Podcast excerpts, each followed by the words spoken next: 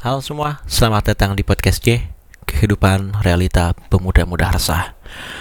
Di season kali ini, gue dan teman-teman gue bakal bahas suatu misteri dan teka-teki yang memang sampai saat ini belum terpecahkan.